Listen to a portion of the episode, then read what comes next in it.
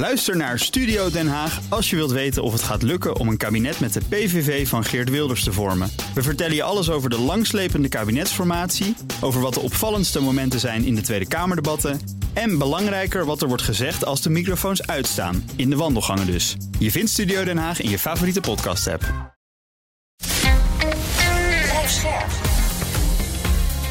BNR Nieuwsradio. Boekenstein en de Wijk. Conor Klerks. Welkom bij Boekenstein en de Wijk. Het is woensdag, dag 378 van de oorlog in Oekraïne. Vandaag zonder Hugo, maar wel met Arend-Jan Boekenstein en Rob de Wijk. Dag heren. Goedenavond. Goeiedag. Daar gaan we weer. Ja, het is lang geleden, maar ik ben blij dat ik uh, weer eens in mag vallen. Zeker. Ja, dat is een hele eer hoor voor jou. nou ja, dat zeg je wel, maar dat is wel een beetje zo natuurlijk. Ja, nee, maar goed, je bent van harte welkom. Nou, fijn om er weer te zijn. Laat ik bij jou beginnen, Rob. Uh, en bij Bagmoed, want daarvan heeft uh, Jens Stoltenberg, de topman van de NAVO, gezegd dat het mogelijk gaat vallen. Ja, nou ja, tegenstrijdige berichten. Als je gewoon kijkt naar wat er op dit ogenblik gebeurt, dan moet je constateren dat de helft van Bagmoed, uh, zeg maar de oostelijke kant, is gewoon veroverd door de Russen.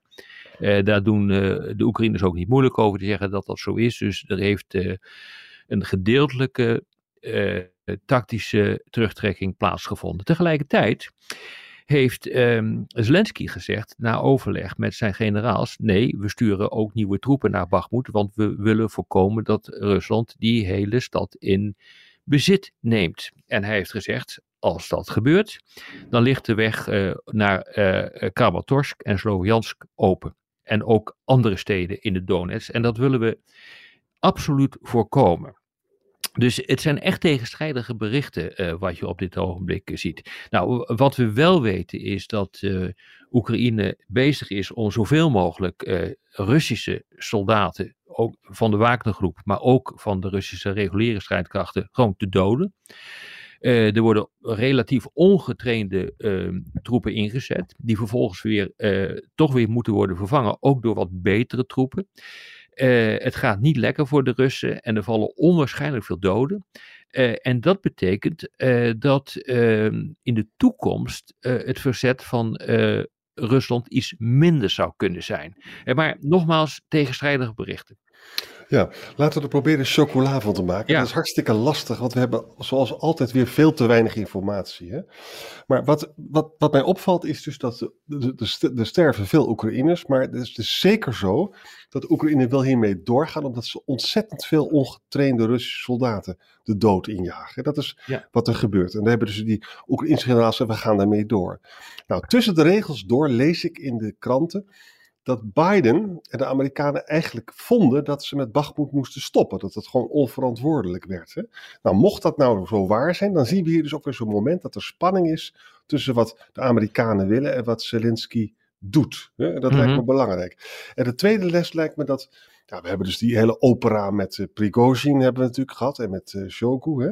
Nou, die staat Wagner, die groep, die Prigozhin staat nu in het oosten van de stad. Hè? Van de, dat hij, dat hij het allemaal gedaan heeft. Terwijl het eigenlijk alleen maar dus benadrukt hoe ongelooflijk verdeeld de Russen zijn. Hè? Mm-hmm. Want Wagner zegt gewoon elke dag: ik krijg onvoldoende munitie en onvoldoende troepen.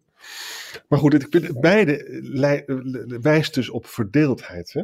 Ja. En, uh, en het zou ook in de Oekraïnse samenleving, als straks bekend wordt hoeveel Oekraïners zijn opgeofferd daar, dan kunnen daar discussies over staan. Hè? Over ons. Dat klopt. Nou ja, als je het hebt over die slachtoffers, uh, Arend Jan. Uh, Oekraïne die zelf, die zegt van uh, wij maken zeven keer meer slachtoffers uh, dan wij ja. zelf te betreuren hebben. Dat zeggen ja. ze, dat is punt één. Uh, westerse bronnen die zeggen er zijn 30 tot 50.000 Russen gewond dan wel gedood. andere cijfers die, die zeggen het zijn er tussen de 20 en de 30.000.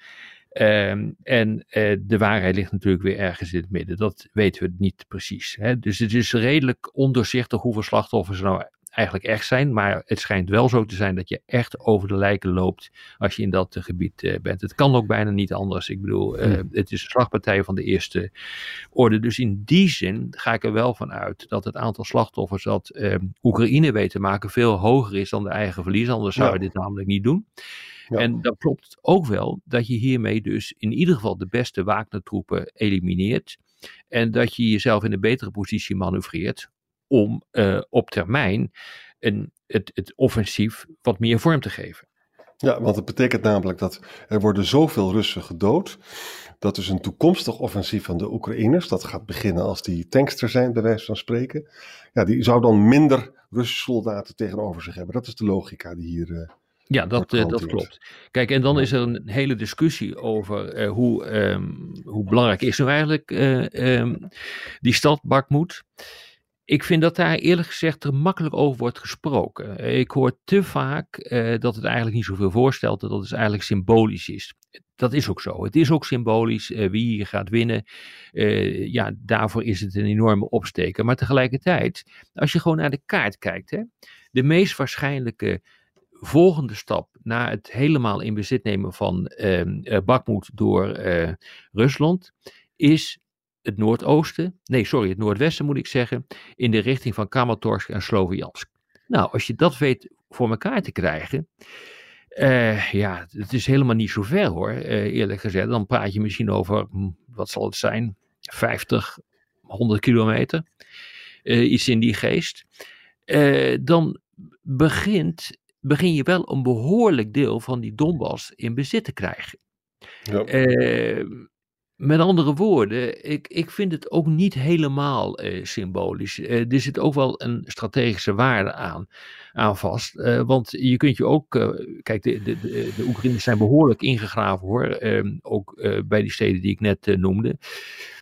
Maar ik vind wel, als dit lukt, dat er dan wel echt een, een, een behoorlijke overwinning is geboekt door, door Rusland. Ehm, en die, dat zal ook een boost zijn uh, voor de gewone Rus, die denk ik ook wel een keer zit te snakken op een succes. Uh, ik kan me voorstellen, maar ik weet er te weinig van hoor, maar ik kan me dus voorstellen dat het, soms is het verstandig om je tactisch terug te trekken ja, als de verliezen hoog zijn. Hè? En dan kan je dus ingraven, bijvoorbeeld bij Kramatorsk en Sloviansk. En dan uh, kun je, hebben er dus wel een doorbraak bij Bakhmut, maar dan hebben ze, moeten ze nog veel meer mensen offeren ja. Want het offensief is altijd moeilijker dan defensie. Hè? Dat is nou ja, het probleem zit hem erin, Arjan, uh, dat uh, Rusland die valt nu uh, terug op tactische groepen. infanterie gesteund door artillerie. Onvoldoende panzer en niet ja. in staat om grote manoeuvregevechten te voeren. Um, en daar zit echt een geweldig probleem in. Dus wil je echt grotere delen gaan veroveren, eh, dan zul je in staat moeten zijn om uh, manoeuvreoorlogvoering uit te voeren. Dus met, met grotere eenheden te manoeuvreren en ook uh, in combinatie met waar we het eerder over hebben gehad. Dat hele idee van verbonden wapens, waarbij je alle wapensystemen geharmoniseerd, georchestreerd inzet voor het behalen van het doel. En dat, uh, dat, dat lukt ze niet. En ze vallen steeds verder terug op die kleinere groepen uh, van bataljonsomvang. En dan praat je over misschien 800, uh, 800 man. Uh, die vervolgens eigenlijk ook weer in versplinterde groepen aan het optreden zijn. En eigenlijk is het nog erger, hè? want ze hebben dus infanterie met artillerie, maar ook de Russen hebben tekort aan munitie. Ja. Dus met andere woorden, ze hebben tekort aan tanks, ze hebben tekort aan munitie. En dat betekent, als je dus te weinig aan shelling doet, dat er nog veel meer mensen sterven bij de infanterie. Uh, ja, dat zou kunnen. Dat zou ik niet 1, 2, 3 weten. Maar kijk, je kan elkaar ook met messen te lijf eh, gaan. Dus uh, zelfs al heb je helemaal geen uh, munitie meer, dan kan het gevecht nog doorgaan. dus nee, maar hier zit wel echt een geweldig probleem in dat de Russen dus moeilijk in staat zijn om echt door te pakken in die hele Donbass. Hè. Dus ja. ja. ze boeken dan een overwinning als ze heel Bakmoed onder controle krijgen. Uh, ja, ze zullen mogelijkerwijs nog verder kunnen doorpersen. Uh, en nee, het wordt toch heel erg moeilijk om toch de hele Donbass onder controle te krijgen. Zo is het. Hè? En als dit dus het gevolg is van die uh, mobilisatie, hè, dan valt het allemaal wel erg tegen. En we weten dus ook niet of Poetin echt durft om die mobilisatie die nooit gestopt is, om die nog weer echt op te poken. Ja, hij gebeurt wel achter de schermen. Hè. Er uh, zijn dus nieuwe oekases uh, afgekondigd in, uh, in Rusland, waarbij ze proberen om in ieder geval ook het aantal onderofficieren en officieren weer op te krikken. Ik meen met een getal van 18.000. en men is ook bezig om te kijken of misschien niet nog meer gevangenen uit de gevangenis kunnen worden gehaald om die in te zetten. Ze hebben er nog 400.000 in de gevangenis te zitten, dus er zit nog een aardige legermacht om het maar zo te zeggen. dus ja, weet je, dat zal allemaal nog wel, wel kunnen. Maar het grote probleem vind ik echt voor de Russen, en dat is alleen maar heel goed voor Oekraïne, ja, is dat ze gewoon dat offensief niet op, op gang krijgen, omdat uh, de organisatie niet deugt, uh, hun doctrine die deugt niet. Uh, ze kunnen niet in staat zijn om over te schakelen op, een, op operaties die echt effectief zijn met verbonden wapens. En ik denk dat dat echt een heel geweldig probleem aan het worden is. Ja. Um, ja, we begonnen eigenlijk bij Jens Stoltenberg, hè, want hij, hij zei dit over Bagmoed dat het mogelijk uh, zou vallen. Dat was in Zweden, daar zijn de ja. Europese defensieministers ook bij elkaar. En ze praten daar over onder andere. En ze praten daar onder andere over een gezamenlijk fonds voor de inkoop van munitie voor Oekraïne, Arend Jan.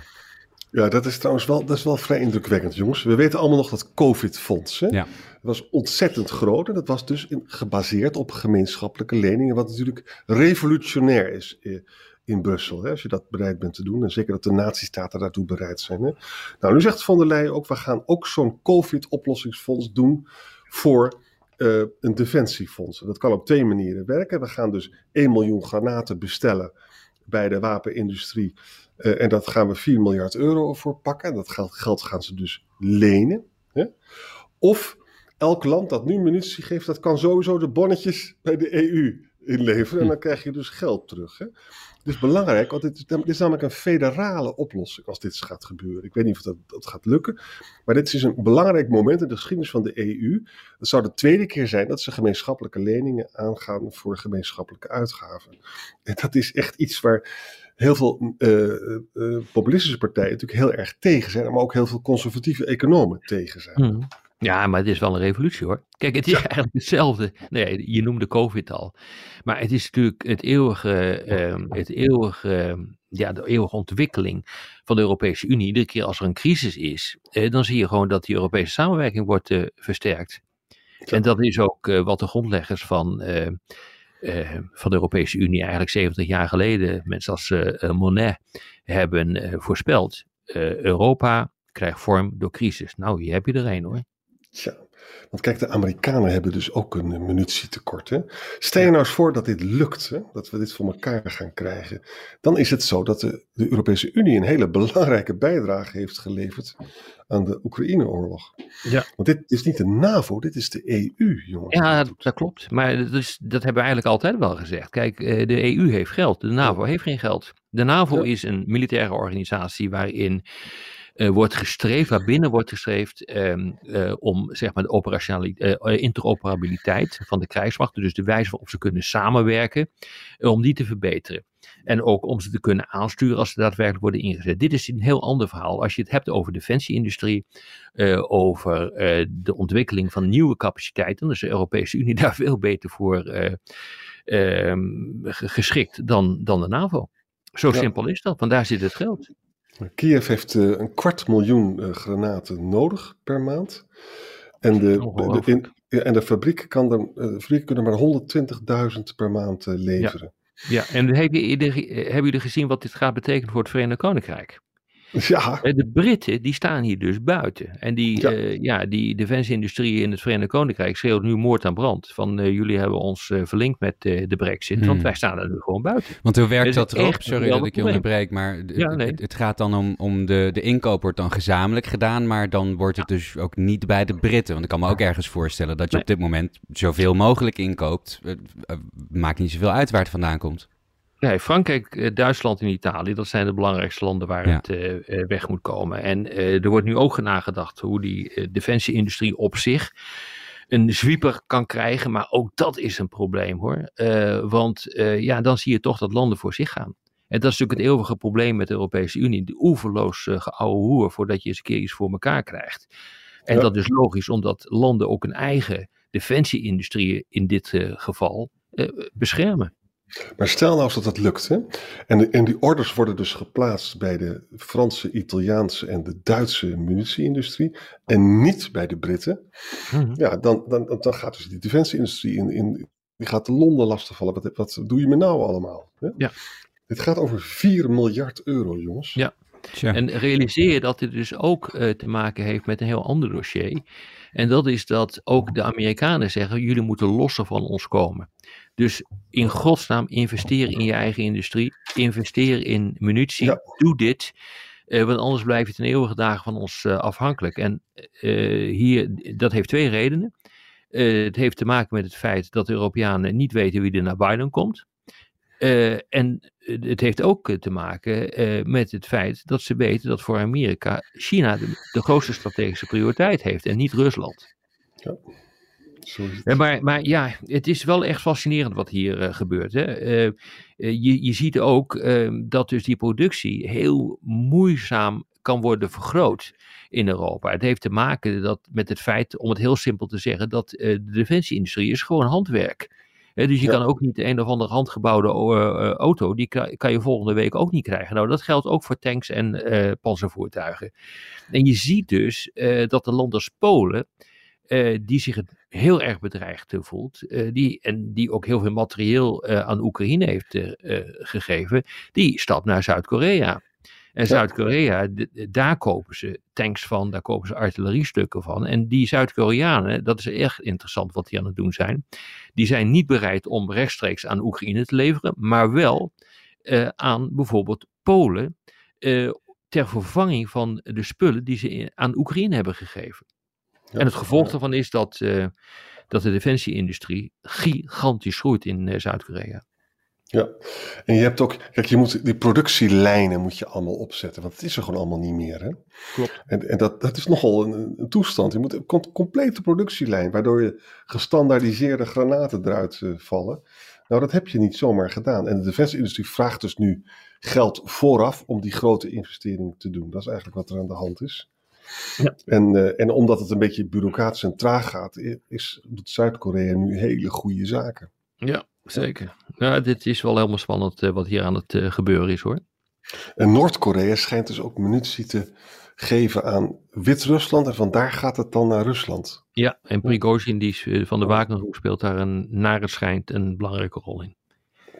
Zo. Nou, ik wilde het eigenlijk ook nog eventjes hebben over um, Nord Stream. Want ja, in de Duitse pers gisteravond groot nieuws. Er zou mogelijk Oekraïense betrokkenheid zijn bij uh, het opblazen van die Nord Stream pijpleidingen. Echt een beetje, een beetje James Bond, een beetje een crimi uh, hoe dat dan allemaal ja. zou werken. Met jachten, Rob, wil jij het vertellen? Nou, of uh, Jan wil misschien wel heel hard uh, op uh, gaan speculeren, maar ik wil er ook wat over, over zeggen. ja, kijk, ik, het heeft mij altijd verbaasd, maar ik denk Arend Jan ook, waarom we nooit eerder iets hebben gehoord van ehm, het opblazen van Nord Stream 1 en 2. Ja, we hebben dat rapport van Hirsch gezien, dat was geen rapport, maar dat was een, een artikel van Hirsch, Emo Hirsch, toch een bekende onderzoeksjournalist uit, uh, uh, uit Amerika die tot de conclusie kwam, nou, dat de Amerikanen zitten erachter, kwam een heel gedetailleerd verhaal, maar vervolgens werden alle details, dat is nou de tragiek van een gedetailleerd verhaal, alle details, die werden onderuit geschopt. Ja. En nu komt dit, en nu hebben we nauwelijks informatie. dus het, het kan waar zijn, maar de Amerikaanse inlichtingendiensten zelf zeggen, dit is een low probability ja, weet je, ja. Uh, nou, Arjan, neem je het maar over. Kijk, weet je, het is interessant. Dus we moeten altijd weer met snippertjes moeten we het doen. Hè? Ja. En altijd weer te weinig. Die site bijvoorbeeld is ook weer heel erg bekritiseerd door allerlei andere de, de experts. Nou, die hebben het over een, er is een jacht gehuurd bij een, door een Pools bedrijf met Oekraïense eigenaren. Daar zijn zes jongens opgestapt. Een dokter, twee duikers, twee assistenten en nog iemand. Roostok verlaten, toen naar het Deense eiland Christiansson gegaan. En zij zou het al gedaan hebben. Nou, dat kan een false flag zijn van de Russen. Dat kan Oekraïners zijn uh, gedirigeerd door Kiev. Of het zijn pro-Oekraïnse Russen. Dat is allemaal, allemaal mogelijk. Want dit bewijst nog niks natuurlijk. Nee, en je moet wel ontzettend goed getraind zijn. Want ik bedoel, je kan moeilijk naar de winkel stappen om een duikpak te kopen. En een snorkel en een duikbril. En zeggen van, nu ga ik eens... Uh, uh, zoveel tientallen kilo's uh, springstof uh, duizend, duizend kilo. Moet je voor op dat jacht ja. dus duizend kilo. En dan gaan dus twee duikertjes gaan met die kilo's naar beneden. Dat is waar we het over praten. Ja, je moet dus ontzettend geoefend zijn, uh, Arend-Jan. Uh, uh, het, het, lijkt net, het lijkt net alsof Simon Hirsch uh, de, de, de, een, een, klok- en een klepelverhaal heeft uh, gemaakt. Ja. hij vertelde dus dat er duikers waren die in Panama in het geheim waren getraind ja. bij Special Forces. want je moet eigenlijk een soort zo'n soort training moet je wel hebben ondergaan om dit voor elkaar te kunnen krijgen. Dit, dit doe je niet als gewone duiker. Dus daar begint het al mee. Dus um, nou ja, dan is de grote vraag, waar zijn die mensen dan getraind? dat, dat, dat, doe je dus niet in een sloot of in een, in een diep meer. Dat, dat, dat kan niet. Ja, en dan, ehm, en dan is het de vraag, hoe ga je dat dan doen? Ja, ik, ik zou echt meer details moeten hebben hoor. Kijk, maar eh, dan nog even wat anders. Hè. Als je het nou gaat afpellen, van wie heeft nou het, uh, het meeste belang hierbij? Dat is, uh, dat is denk ik de vraag die je moet, uh, moet, ehm, moet stellen. De Russen als ze hun, um, als ze Nord Stream 1 en 2 opblazen, dan blazen ze ook hun eigen uh, uh, verdienvermogen op. Ja, dus ja. die hebben geen belang eigenlijk. De Amerikanen, als ze de pijpleiding opblazen, dan blazen ze eigenlijk ook de NAVO op. Leek me ook om die reden, het alles komt uit in de democratie, dus dit ook uh, leek me lastig. Oekraïne zelf, nou, dat zou uh, een, uh, een daad van agressie zijn die niet kan. Dus in die zin zou het kunnen zijn dat er inderdaad uh, Oekraïense ja, operators, wat het er ook zijn. Zelensky zegt: Ik heb er niks mee te maken. Dat wordt ook door de Amerikanen erkend. Dat die dus inderdaad in staat zijn uh, om dat te doen. Uh, omdat er ook altijd een hele hoop oppositie is geweest tegen die pijpleidingen. En dat heeft te maken met het feit dat die pijpleidingen dwars door Oekraïne altijd gelopen hebben enorme bron van inkomsten zijn voor Oekraïne. En het is een geopolitieke keuze geweest om ze door de, Noord, eh, om ze door de Oostzee te laten lopen. Ja. En dat, heeft Oekraïne nooit kunnen verkopen. Dus ik kan me voorstellen dat er in ieder geval groepen in uh, Oekraïne zijn van die zeggen van dit willen we niet. Kijk, het punt was, Rusland sloot wel eens de gaskraan uit, af uh, naar Oekraïne. Hè? En met andere woorden, toen er dus Nord Stream 2 en 1 was, toen, ja, dan kan je dus gewoon, dan, dan krijgt Duitsland nog steeds zijn gas, terwijl Oekraïne wordt afgesloten. Dat was een grote bezwaar. Want nou, Polen het, ook. Was, het werd niet doorgevoerd. Hè? In 2009 heeft dat onder meer gespeeld. Uh, uh, wat je dan ziet is dat er een financieel akkefietje is tussen Rusland en Oekraïne. En dan heeft Gazprom gewoon even de leiding uh, afgesloten, omdat men zei van ja, je betaalt niet. Dus we kunnen ook niet doorvoeren. Ja.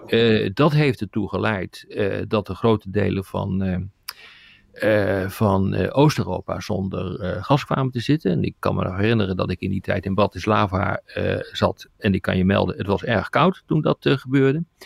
Ehm, en dat is ook een van de redenen waarom is nagedacht om een leiding aan te leggen om Oekraïne heen.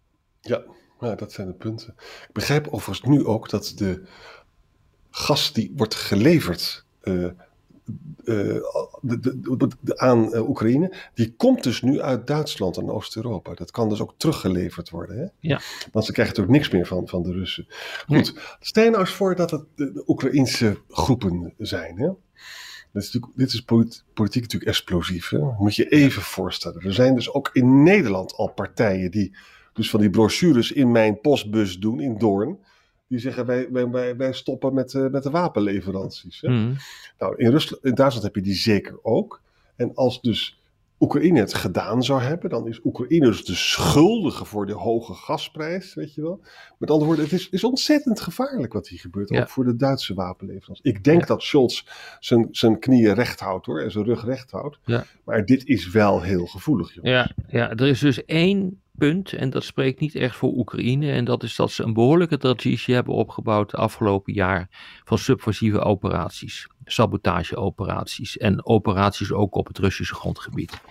Eh, dus Augustus Saki eh, luchtmachtbasis eh, op de Krim. Engels, Engels. Krim, de, ja, exact, de, Krimbrug, de Krimbrug uh, met die vrachtwagen hebben ze in december kapot gemaakt. December inderdaad Engels.